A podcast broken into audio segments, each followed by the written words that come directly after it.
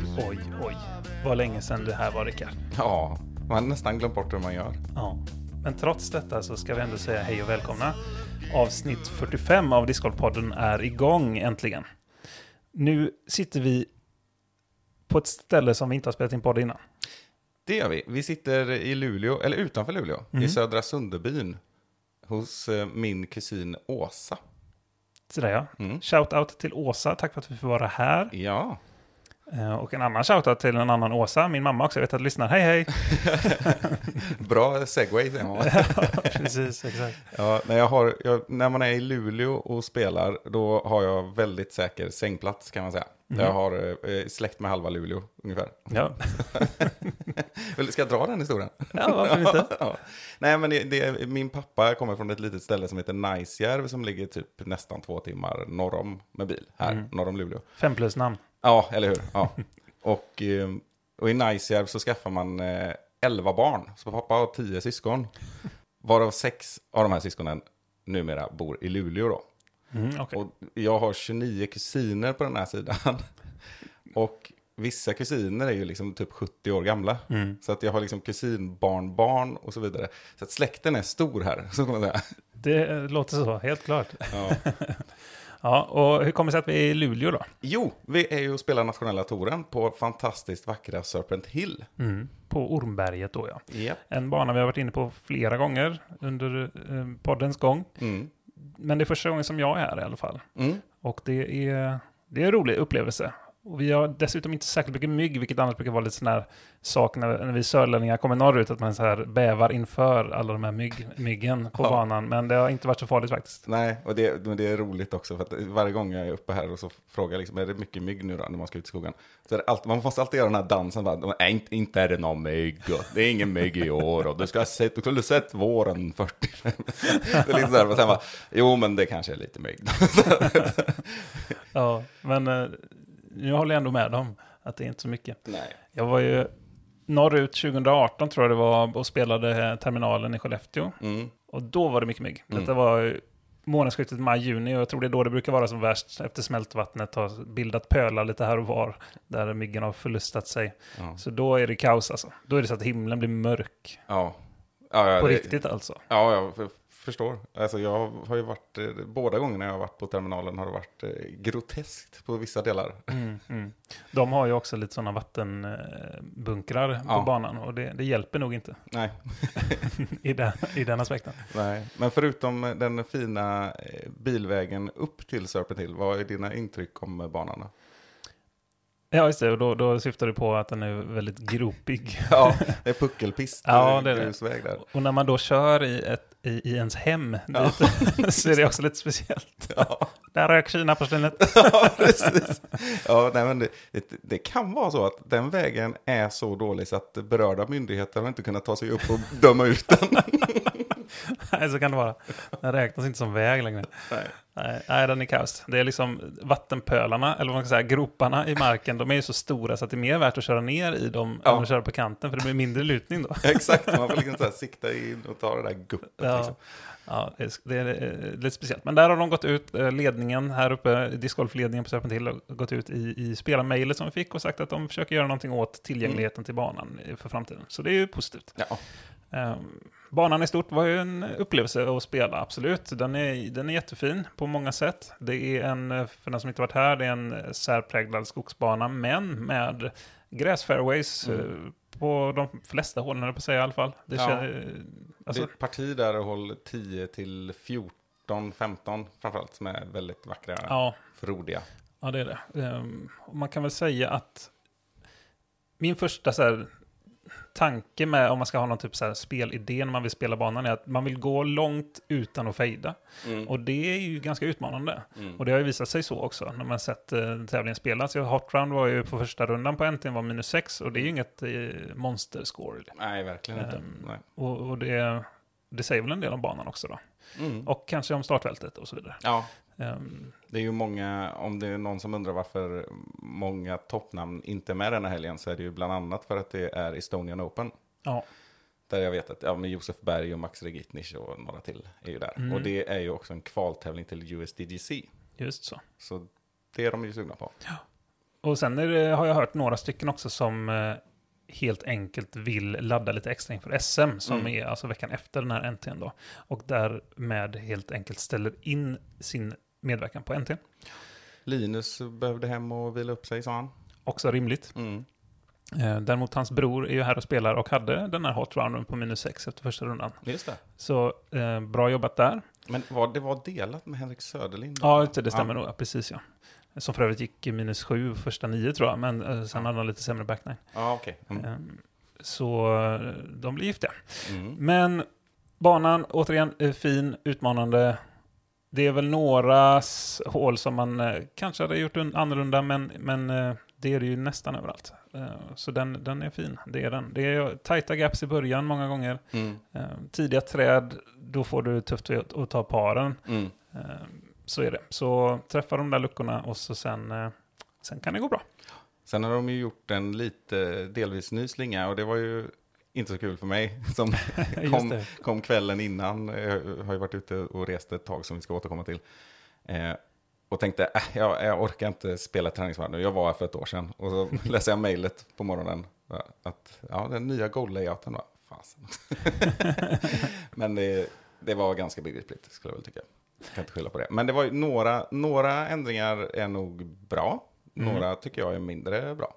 Ja, eh, det är den där käpphästen som vi brukar prata om att svårt är inte lika med bättre alltid. Nej, precis. Mm, Men det är många som vill göra mer utmanande banor och det förstår jag att man vill. Mm. Och det är ju egentligen rätt eh, så. För att man vill ha mera, man kan husera ännu större tävlingar kanske och sådär.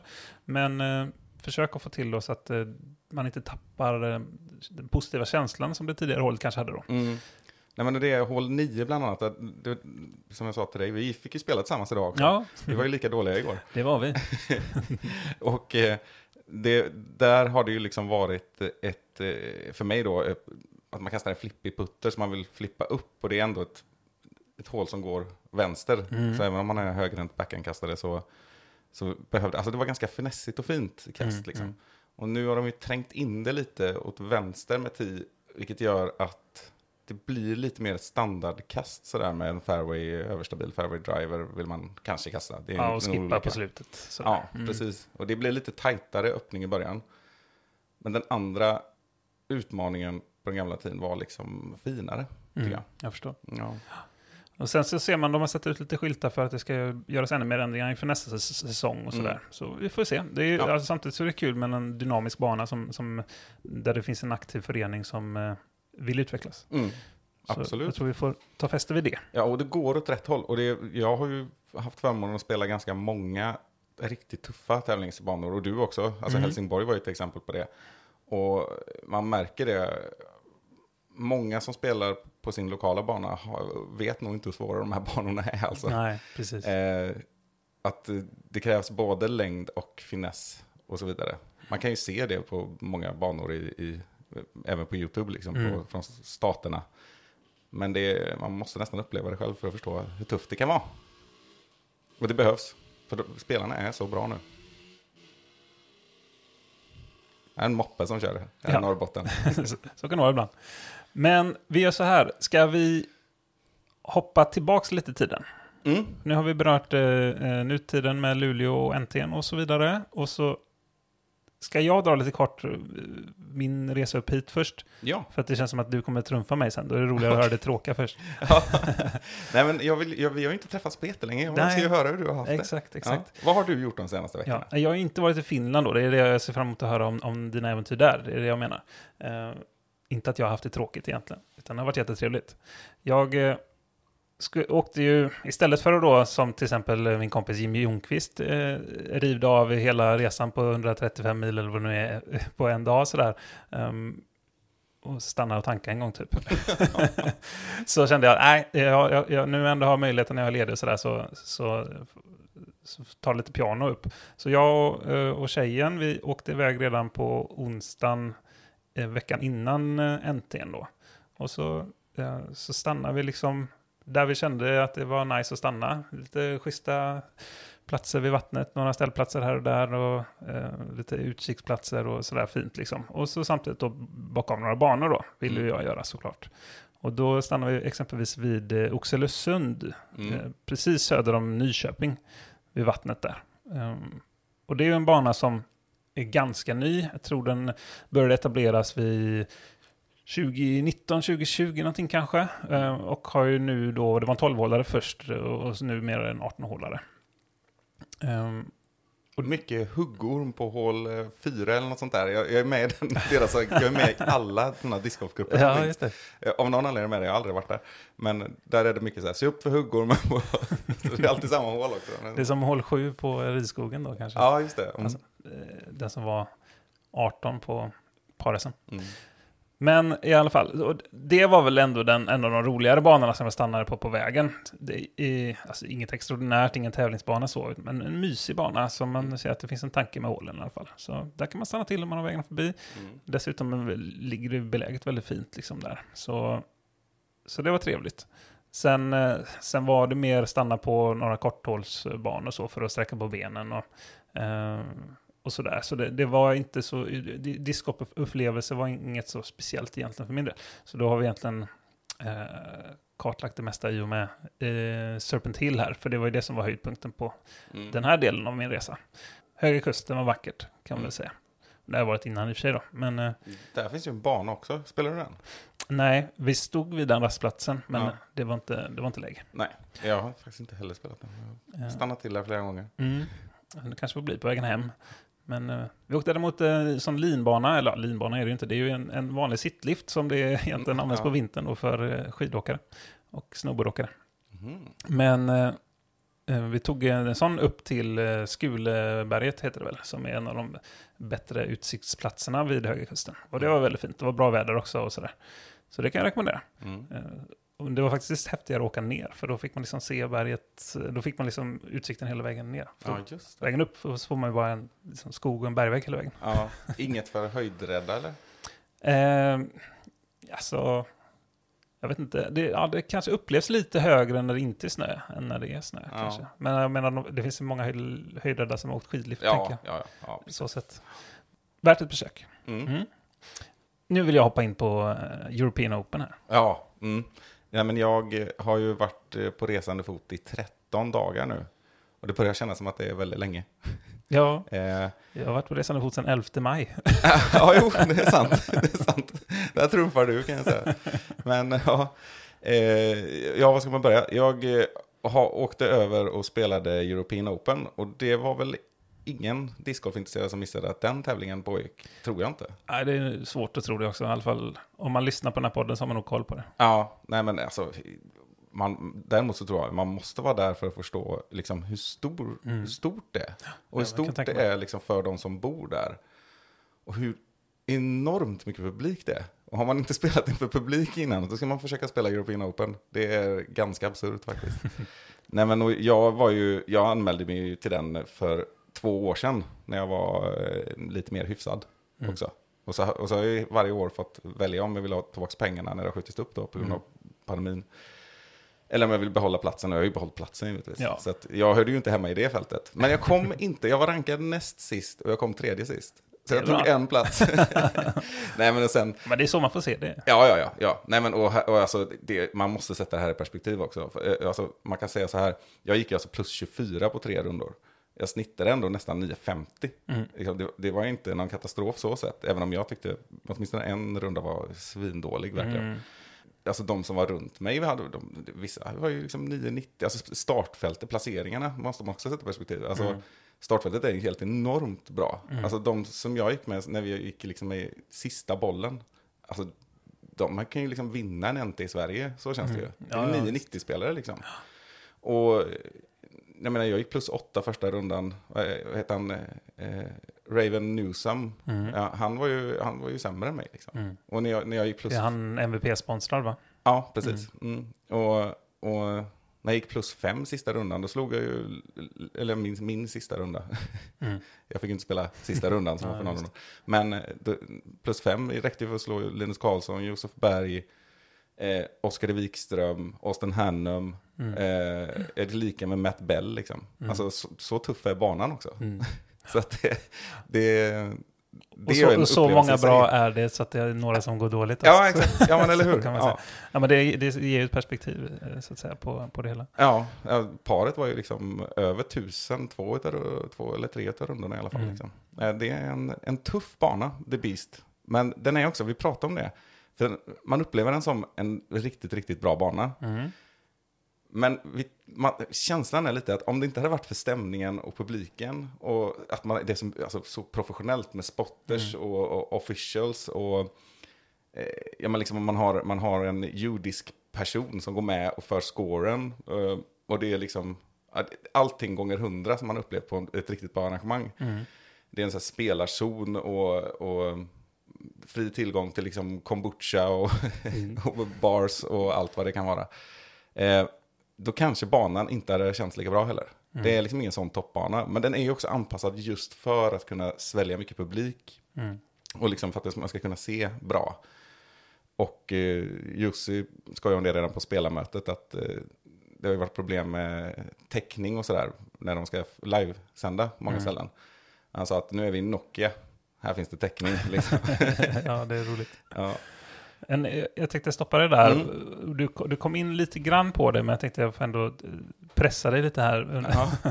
För att ehm, du brukar ändå säga att det är en fantastisk tävling framför allt, Ja. men du har ändå hört dig säga att du tycker om banan också. ja, men det gör jag. Ja. Ehm, och, och, men det känns ändå inte som en bana som egentligen passar ditt tänk, om du Mm, förstår vad jag menar. Alltså, det, den är ju ändå lite Europas USDC samtidigt. Det är väldigt mycket Ja. OBn, konstruerade OBn. Ja. Det finns ju, hål 17 är ju ehm, inspirerat av hål 17 på USDC. Ja, håll 16, förlåt ja, mig, förlåt mig med Höbollön där ja, precis. Eh, och så. Och hur kommer det sig att det är så extremt stor skillnad för dig när du nästan hatar USDC-banan och nästan älskar den här då? Jo, nej men alltså dels så tycker jag inte att det är lika extremt som på USDC. Där Mm. kan det vara så löjligt. Här är det inga mozzarella sticks heller. Nej, Eh, jag sen- håller med, att ja. det, men du förstår ändå min Ja. liknelse där. Mm. Ja, ja, ja, verkligen. Ja, men det, det, ja, det förstår jag verkligen vad du menar. Och Mm. sen, sen så tror jag att det är det här med liksom, inramningen på många sätt också. Mm. Eh, och sen är det, alltså det är just det här att det hamnar liksom lite grann på rätt sida gränsen Mm. av vad som är okej när det är, det är inte för trånga fairways liksom. Alltså missar du, är du OB, Mm. ja då har du förtjänat det ändå. Så kan man ändå känna. Det är, inte, det är liksom inte, det blir inte för mycket slump inblandat heller. Men nej, sen är det ju många hål som inte är fantastiska. Alltså jag tycker ju, det är dum- dumt att ta något exempel här, men de, de sista hålen tycker jag är bra. Eh, De fyra sista avslutande Det är tuffa de hålen. som spelar så svårt ja. Ja, och, ehm, men alltså hål 12 är inget fantastiskt hål till exempel. Det är, Får du förklara vilket det är? det är ett par fyra hål väldigt lågt i tak, sluttande från höger till vänster. Mm. Eh, det är ju inte mycket OB på det hålet, å andra sidan. Men alltså, det, är, det är väldigt trångt där. Mm. Men- Så det känns som att det är rätt mycket träd i sweet spot och Ja. sweet spot till exempel. Ja, men exakt. Mm. Man får nästan liksom huka sig när man ska kasta Mm. sånt för att det är så lågt i tak. Mm. Liksom. Lite, lite Keno, som jag brukar säga. Ja, men lite så. Det är väldigt lätt också att få, få någon catroll och så är man Mm. ute i spenaten, som de Mm. säger. Som Patrik Arvid skulle ha sagt. Ja, precis. Nej, men och, och några hål till som är lite så halvdana liksom. Mm. Eh, men eh, som helhet är det ju en bra bana och en tuff bana. Eh, det tycker jag nog. Jag, jag blir nyfiken på, ett av signaturhålen får man nog säga är det här på treat med dammen framför. Macbeth hade en disk som skippade på vattnet och sen la sig på Ja, greenen. Liksom. hål, hål, ja, hål 11. Ja, Ja, precis. Ja, nej, ja, där lägger jag upp mig. Men det, det är ju liksom, jag har ingen chans att komma fram. Det står att det är 120 någonting meter, Mm. men alla går runt och tänker lite, nej, det Nej, är för det är också längre. nerför, för det känns som att... Nej, det det kanske inte är, bara känns så kanske. Ja, det är helt plant där. Ehm, nej, och där är ju svårt nog, där är ju faktiskt ganska smal fairway också, så där är det svårt nog att lägga upp sig Ja, faktiskt. precis. Väldigt lätt att skippa av den liksom. Så att det är, det är ja, nej, där, där, där gjorde jag väl 3, 3, 4. Alltså det inte är den ordningen. Det är ändå rätt skapligt på det Ja, hållet. och jag menar, jag har en väldigt liten chans att komma fram till cirkeln eh, med min nuvarande längd. Och där, alltså, ja, mitt snitt måste ju vara bättre än många toppspelare. Många som kom, alltså flera som kom topp 10 tror jag. Mm. Alltså det, det blir ju uppenbart Mm, det enda mm. sättet för mig att spela hålet smart liksom. Mm. Över tre rundor. Men mm, det är ett fint hål. Ja, precis. Det är det jag menar, att det är lite signaturhålet på ett sätt. Av par treorna i alla fall. Och sen, sen är det ju så häftigt. Jag, jag, så mycket man fick se live. Det där det skip-vattnet, det såg jag ju live liksom. Det är coolt. Ja. jag stod precis bakom. Ja. Tio. Men du fick ju också eh, träffa lite folk när du var över. Ja, det, alltså, jag måste liksom säga att om ni gillar discgolf, vilket ni förmodligen gör om ni lyssnar på den här podden, om ni tittar mycket på discgolf och så, ta chansen, åk över och var publik på European Open. Alltså. Det är en sån fantastisk upplevelse. Mm. Och jag tänker också, just eftersom det du säger då, eller frågar om, att man får träffa mycket folk och alla spelare och sådär. Som spelare, i mitt fall då, så har jag en annan tillgång såklart, liksom i alla utrymmen och alltså bara det här spelarmötet är ju absurt. Det är Mm. 144 personer i en aula. Och man ser sig omkring liksom. Det är som att... 140 av dem gör, gör dig starstruck. Ja, men exakt. Ja, ja, men det är verkligen så. Och det, det är ju som att eh, sitta med samlade Disney-figurer eller någonting. Liksom. Lite så är det ju. Ehm, men eh, ja, nej, men åk, åk dit och titta. Det är inte så krångligt och inte så dyrt. Då räcker ju att man åker där lördag, söndag. Liksom. Och det är en sån upplevelse. Och det, jag tror också att ganska snart, vi, vi är ju ofta ganska stolta i den här sporten just kring att det är en sån här öppenhet. Liksom. Och Mm. alla pratar med alla, alla är tillgängliga och så är det. Eh, det första jag sprang på när jag hoppade ur bilen på, på eh, tisdagen där inför tävlingen och skulle ta en träningsrunda. Liksom. Jag lämnade väskan i bilen, skulle gå in och registrera mig. Liksom, få, man måste ha en sån här bricka, för att, få- en spelarbricka, för att ens få komma in på banan. Då. Men den första personen, bokstavligt talat, som jag sprang på var Paul Macbeth. Han hade precis avslutat en runda, då går man fram och tjötar lite liksom. Så här, och kunde skoja lite, jag frågade liksom hur det kändes med banan och sådär. Och så sa han, ja, något standardsvar och sådär också. Så ja, du har ju spelat här några gånger liksom. Han har- och han har vunnit fem gånger, fem gånger i rad Ja. innan i år då. Ja, det var sjukt. Vi får nästan bara beröra det som hastigast. Macbeth, Macbattle, höll jag på att säga. Macbattle. Ja, Eh, för det var, ju, det var ju häftigt. mm. Och man måste ändå ge Eagle det. Att med bara sin backhand spela så extremt som man gjorde. ja, För det var ju, båda två spelar ju bättre än någon någonsin gjort på den banan. ja. Hands down. Ja, men alltså att det spelar minus, äh, bättre än minus 40 på Mm. fyra rundor, det är helt galet. Det är faktiskt riktigt, riktigt, riktigt bra alltså. Mm. Var det, de hade 15, 16, 17 kast ner till Mm. trean liksom. Ja, det är sjukt. Med ett sånt startfält. Ja, det, är, det är osannolikt alltså. Ja, nej, man bara måste nämna det för det var så, det var så extremt bra. Ja. Så ni som mot förmodan har missat det, eh, ni får ju på något sätt se post-coverage då som kommer om en 20 dagar eller vad det blir. Mm. Nej, men det är roligt liksom att just få umgås, mm, som man på sätt och vis gör med de här spelarna då också. Eh, som man annars mest får se på tuben. Eh, nej, men då det, det var till exempel då, det här kopplar in båda, men stod och käka med Luke Humphries. Mm. Och så frågade jag, frågade honom om det också, så här, har du upplevt någonting, så här, spektakel runt tävlingarna i USA på samma sätt? Han var nej. Och så sa inte ens USDDC. Och så, då tänkte han ändå efter några sekunder, och så sa han, nej, nej, Nej. det här är liksom det fetaste. Mm. Och det säger de alla. Och Macbeth la ut innan liksom, att det är hans favorittävling, favoritbana. Mm. Eh, bana, liksom. eh, och de menar det. Mm. Ja, Han- men det tvivlar jag inte på. Eh, Och det fick man ju höra mycket för de som har sett live. Du har inte sett så mycket live antar jag med att du Nej. har sett det live. Ja, exakt. exakt. Men, Man kan eh, nog se mig på liven kanske. ja, jag, höll ändå utkik, men jag Ja. såg det faktiskt inte. Men eh, det var ju å andra sidan mycket folk. Ja, ja. Så, och du hade väl som alla andra en piké och en keps typ. Exakt. Solglasögon. ja. Men, eh, En, nej, nu glömmer jag bort vad det hette. En mackara eller någonting. Ja, En ja. Korv på finska. Jag sa säkert fel nu ändå. Och jag åt nog ingen korv där heller. Ja, det var fel på många sätt. Ja. Men eh, vad skulle jag säga? Eh, jo, att man kunde höra det från Ian Anderson och eh, Nate Dawes och så vidare. Att, eh, som för övrigt sköt sig bättre och bättre tycker jag, Mm. bakom eh, mikrofonerna.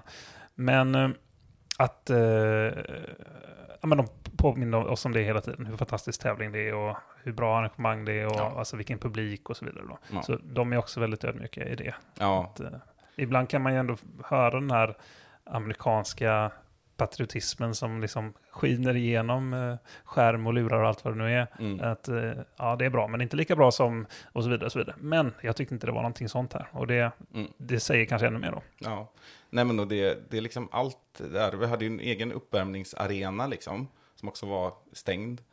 Eh, och från det gick det en spelartunnel genom hela huset, så man kom ut precis till det här berömda håll 1-10 Mm, liksom.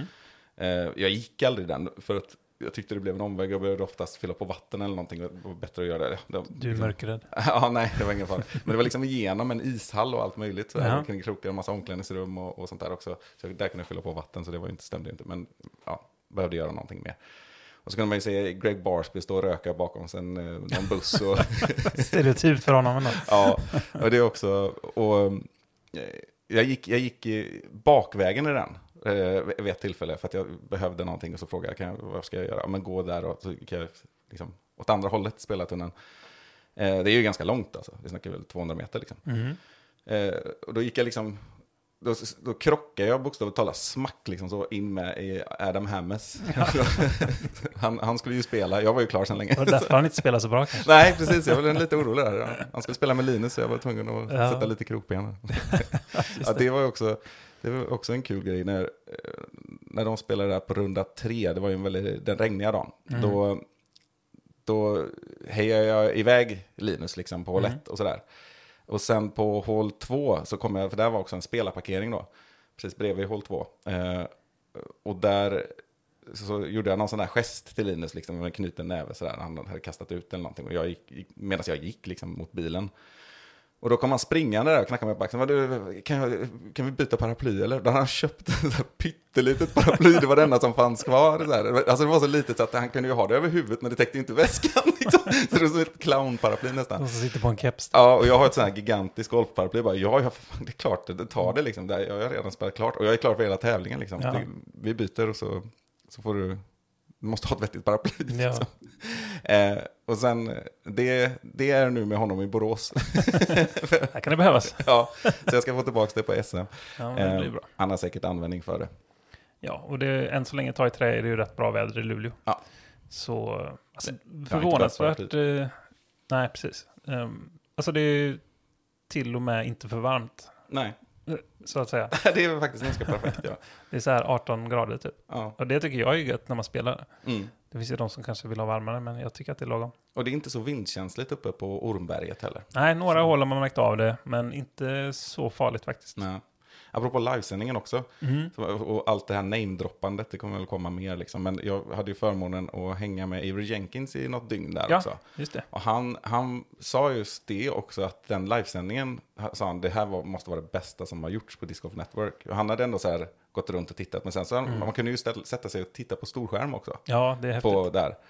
Eh, och han hade gjort det ganska mycket, sa han. Mm. För att det gav så mycket mer. Liksom. Och alltså, ärligt talat på finalrundan, det var inte lätt att se något. Nej, det är mycket folk. Jävlar vad folk var. Ja. Det var ju fem, fem och ett halvt tusen Mm. enligt Jussi eh, i efterhand. Ja, det Ehm, stämmer nog. Det, ja, jag håller med, det var en väldigt bra upplevelse att se det live. Så det kan jag rekommendera. Man kan ju fortfarande se liven i efterhand. Ja, precis. Så det, det är ju bra. Mm. Ehm, på The Disc Golf Network då, för den som undrar. Ja. Jo, men det var det, jag avslutade inte en tanke där. Men det var det här att, att det är så tillgängligt. Alltså åker du dit så kommer du liksom kunna stå och prata med folk. Det är inte bara att få en autograf och sträcka fram en disk Mm. över ett stängsel. De är ju där och du kan prata med Macbeth eller hänga med dem. Liksom. Det, det, det är nog inte säkert att det är så, så många år till. Så kan det ju vara faktiskt, med tanke på hur sporten växer. Ja, Så det är, man får njuta av det, eh, det här, vad ska vi kalla det för? Det, öppna communityt. ja, liksom. öppna, lite oskuldsfulla nästan, Mm. communityt. Mm. Det- Och ändå då är de ju, de är ju verkligen gudar där alltså.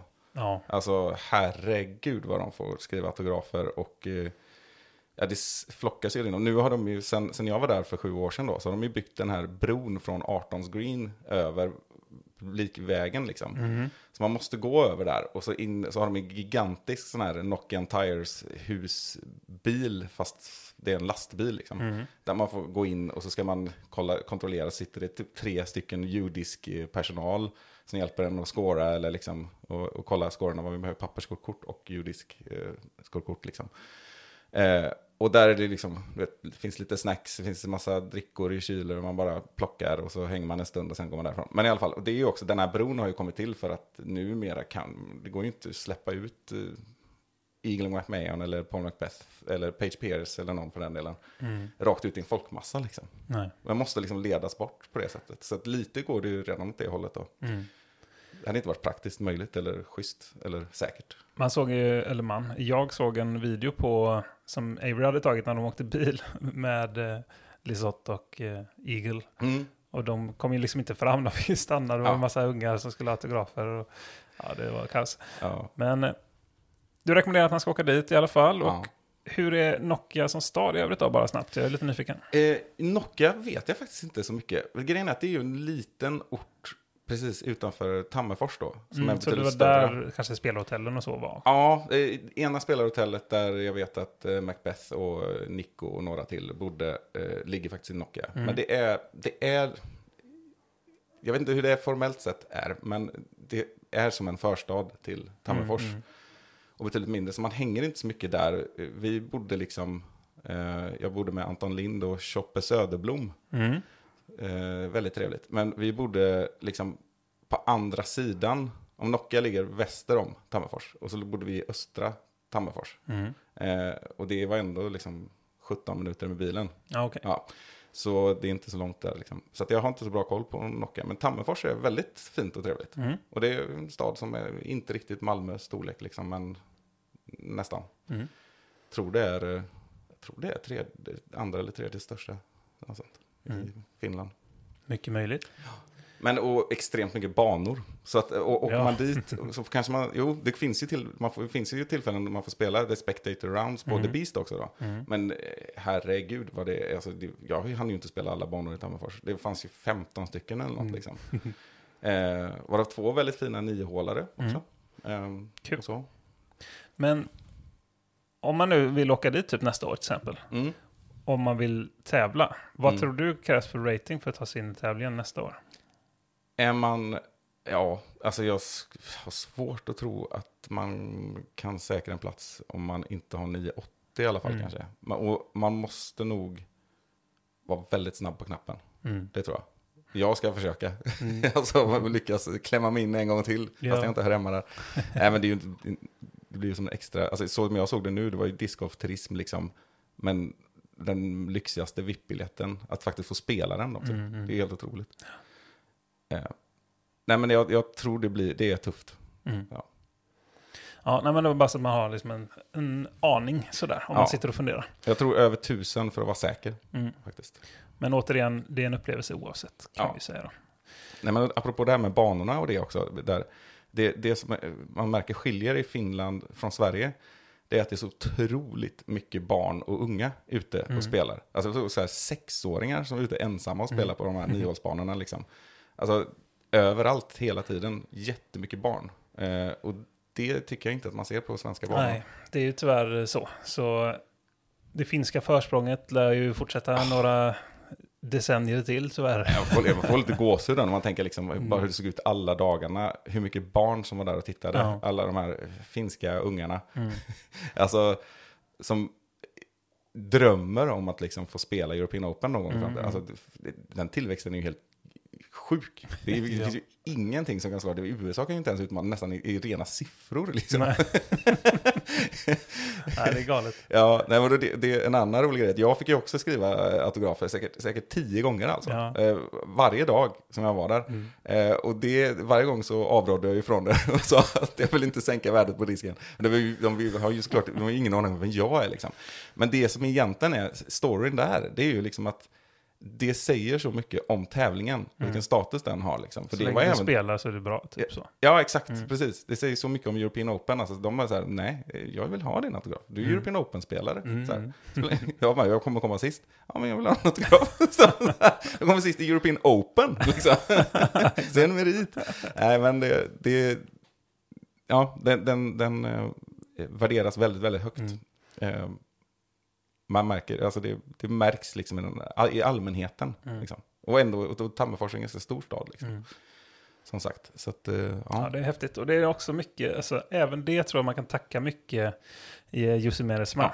För att han har liksom fått ut discgolfen, och inte minst European Open, till allmänheten genom eh, public service. Mm. Eh, och reklam och marknadsföring överallt. Mm. Eh, som sagt, busskurer kan man se Ja. affischer. Du kan se det på eh, motsvarande Aktuellt eller Rapport, liksom, Mm. dagarna innan tävlingen ska sändas. Ja. Eh, och det händer ju inte i Sverige. Hade det gjort det så hade fler fått upp ögonen för det och inte minst barn då kanske. Ja. Eh, det, jag har ju stött på också ungar i Sverige som spelar.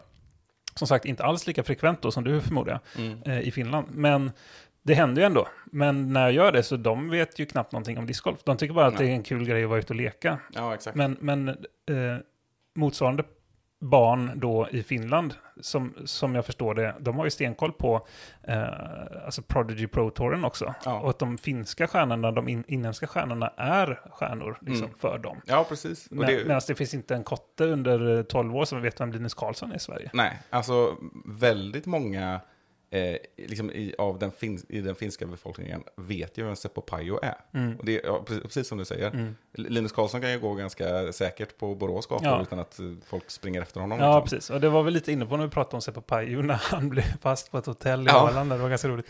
Fick byta. Men nu har vi berört det igen, för det är ganska intressant. Ja, men det är verkligen så. Och det, det märks ju också alltså, på toppen. Alltså, Mm. Det var, var ju många finnar på topp 10 i den här tävlingen. Och jag vet inte om det har så mycket att göra med att det var i Finland.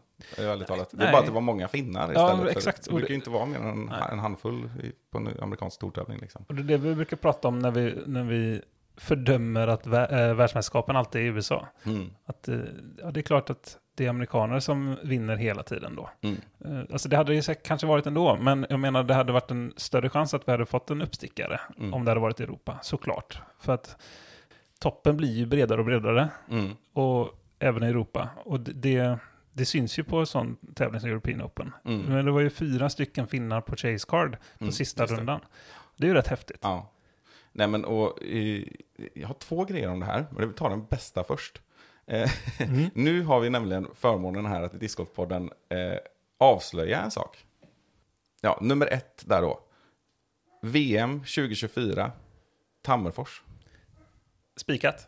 Eh, nej, men, eh, jo, fast nej. Eh, det, det, var- det, det var nämligen så att eh, Jussi på spelarmötet meddelade att de kommer eh, lämna in en ansökan. Mm. Och då kommer det då i så fall spelas på The Beast och Tampere eh, Frisbeegolf Keskus. Ja, det vill säga Det discgolfcenter. är ju häftigt faktiskt. Ja, och det, ja, det är helt sjukt. Finlands två kronjuveler. Ja, och, och man kan säga som så här.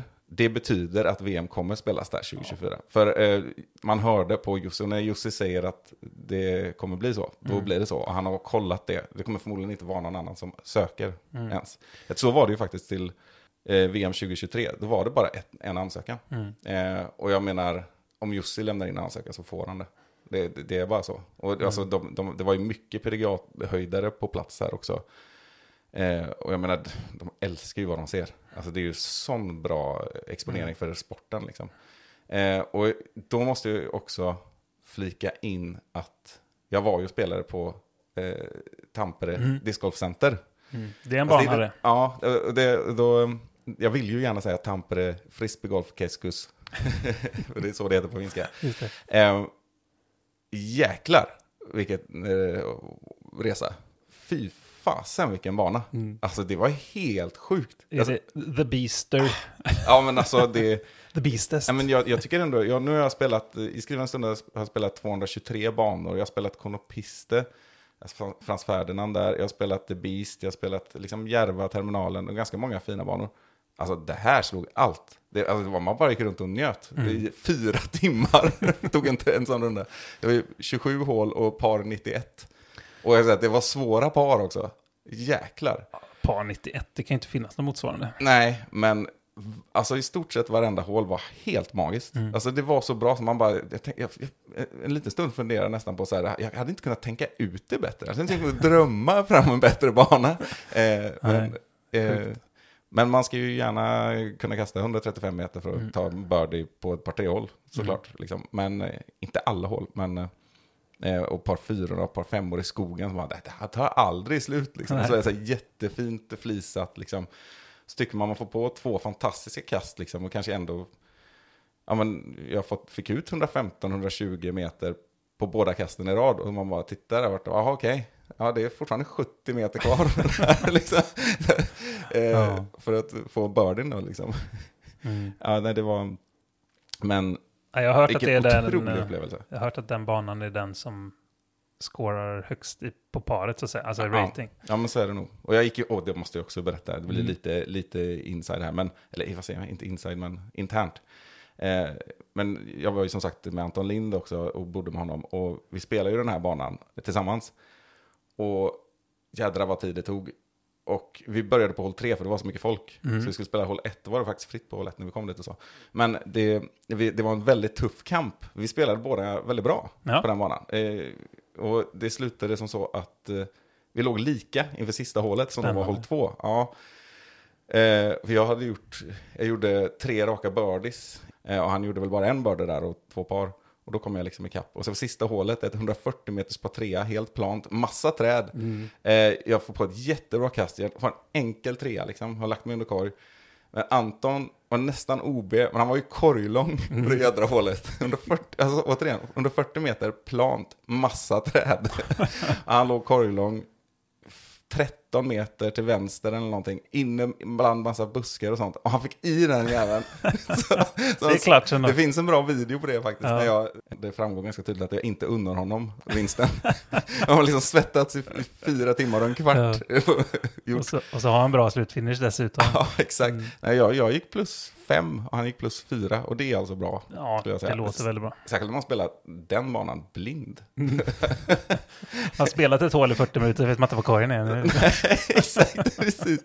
Ja, nej, det var helt otroligt. Så att Mm. åker man och tittar på European Open, då, då har man ju, då, alltså, man kan spela tills man, händerna trillar av liksom.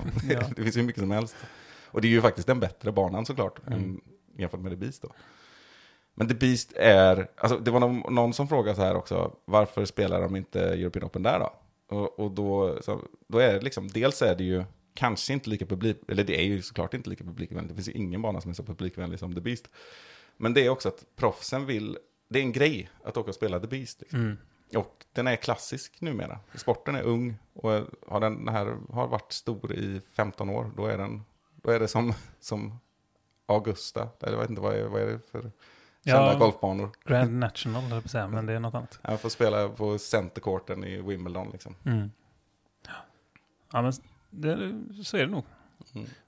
Och jag vet ju, är det någon som lägger vikt vid sådana saker så är det ju Avery Jenkins exempelvis. Mm. Och han hastade ju dit eh, i sista minuten för att få spela, eh, kunna säga att han har spelat alla European Open, tror jag. Ja, det var, precis. Och det är ju ganska häftigt. Ja. Det var i tionde gången nu Mm. också. Och jag har spelat två. Mm. Det är inte många som får uppleva. Nej. Man får också, eh, i, det var ju väldigt fint spelarpaket för övrigt. Eh, med tröjor och vattenflaskor och allt möjligt och diskar. Men man får också då, varje gång så får man en eh, mini. Mm. Man får en personlig mini. Där det står hur många gånger man har spelat. Så jag har ju två sådana Mm. European Open minis nu. Där det står ett på den ena och två på den andra. Det är en snygg touch. Ja, det är det. Ja, shoutout till alla tävlingsarrangörer ute. Vi- Det är kul med spelarpaket. Jag, jag har inte fått ett enda spelarpaket i år. Jag har spelat rätt många A-tiers. Ja. Tråkigt. Eller jag fick en handduk då när jag var på Åland. det, det räknas inte. Ja, men jag tror att många, många tänker nog att eh, varför ska ett sånt proffsigt startfält få till exempel en kasta plastisk Mm. eh, närmare hälften är sponsrad av andra. Liksom så här. Men så funkar det inte riktigt. Jag tror nog ändå, Ja, men det är, inte, det är kanske inte just den då, utan man, får någon- man kan ju få lite, ja men som en mini, en handduk, en liten vattenflaska, lite, alltså det, det, det är som paket på julafton. Det Ja. viktiga är inte vad som är i alltid, utan det är en kul grej. Mm. Och fasken, lägger man flera tusen på att spela en tävling kan det vara kul att få lite, lite krimskrams. ja exakt. Ja men precis, och det var, här var en fin funktionströja liksom. Och Ja. med European Open-tryck då. Och sådär, du vet en sån här jättefin termos eh, vattenflaska. Ja, nice. Med European Open-tryck Mm. då. Eh, samma som Latitude har eller Discmania har. Som Mm, ni säkert har, ni som lyssnar. Ja, Eh, De är ju svinbra. Men eh, nej, precis. Och ja, det är nog ingen som liksom... Det är inte så att det står folk, proffs, utanför när man har fått spela eh, paketet och liksom skänker bort de där fina FT3orna, även om man Nej, är det är sponsrad ju en. Liksom. minnesgrej också. Ja, Och det, det, det är ju inte att förakta det heller. Nej, och det står ju inte Discmania som stor blaffa, det står ju European Open på dem. Ja, Och, precis. Och så. Så att de, eh, de eh, var inte lätta att köta sig till. Nej. Jag försökte nog med Hagman eller någon, jag minns inte Den riktigt. här kan inte du kasta. Nej, du kan ju inte kasta den. Jag, kan- den kan jag ta eller? den kan jag ge till mig. Han bara, "Du, Janne, lägg Ja. ner. Också en, en, eh, en, en bra, Hagman är bra som referens här. De flesta som lyssnar känner säkert till honom, men han har vunnit SM två gånger bland annat. Mhm. Senast 2019. Ja, och eh, väldigt, väldigt duktig, nästan 1000 ratad nu också. Han eh, var ju alltså rankad 81 av 118 i det här startfältet. Och Mm. Alltså, fattar man ju startfältet där då? Ja. han, han ska liksom inte ens klara att vara på övre halvan liksom. Nej. Ja, häftigt. Häftigt. Vi får se, se fram emot flera European Open stories från olika vinklar framöver. Jag kan ha, jag kan ha en liten eh, instickare i varje avsnitt nu, något år tror jag. Det kommer säkert ploppa upp sådana här roliga incidenter. Ja, Men eh, jag tror vi har pratat på ett tag nu och vi Mm. har kommit ikapp lite grann. Ja. Pratat ikapp oss. Det är ju härligt. nu är vi igång igen. Ja, skönt. Nu hoppas vi att det blir eh, några avsnitt på rad här. Vi vågar väl aldrig lova saker. men- Nej, vi har märkt att det är väldigt skört det där med att lova och planera saker när man är, lever i en kappsäck ungefär. Ja, Mm, Men eh, vi kan alltid hoppas i alla fall. mm, Och eh, vi ska ju på SM gemensamt nu. Skellefteå, vi kan säga det snabbt. mm. Jättetrevlig bana, ska bli kul att återupptäcka den. Så följ med framöver när podden drar vidare. Jajamän, kunde inte sagt det bättre. nu, nu kör vi. Nu kör vi, nu åker vi. Ja. Ha det gott där ute så ses vi och hörs vi framöver. Hej på er. Hej!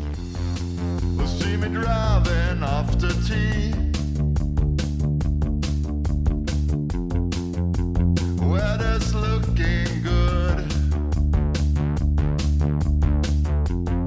I got a disc bag full of tricks.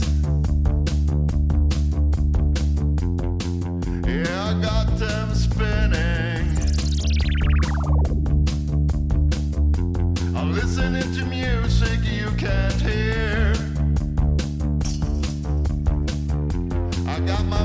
last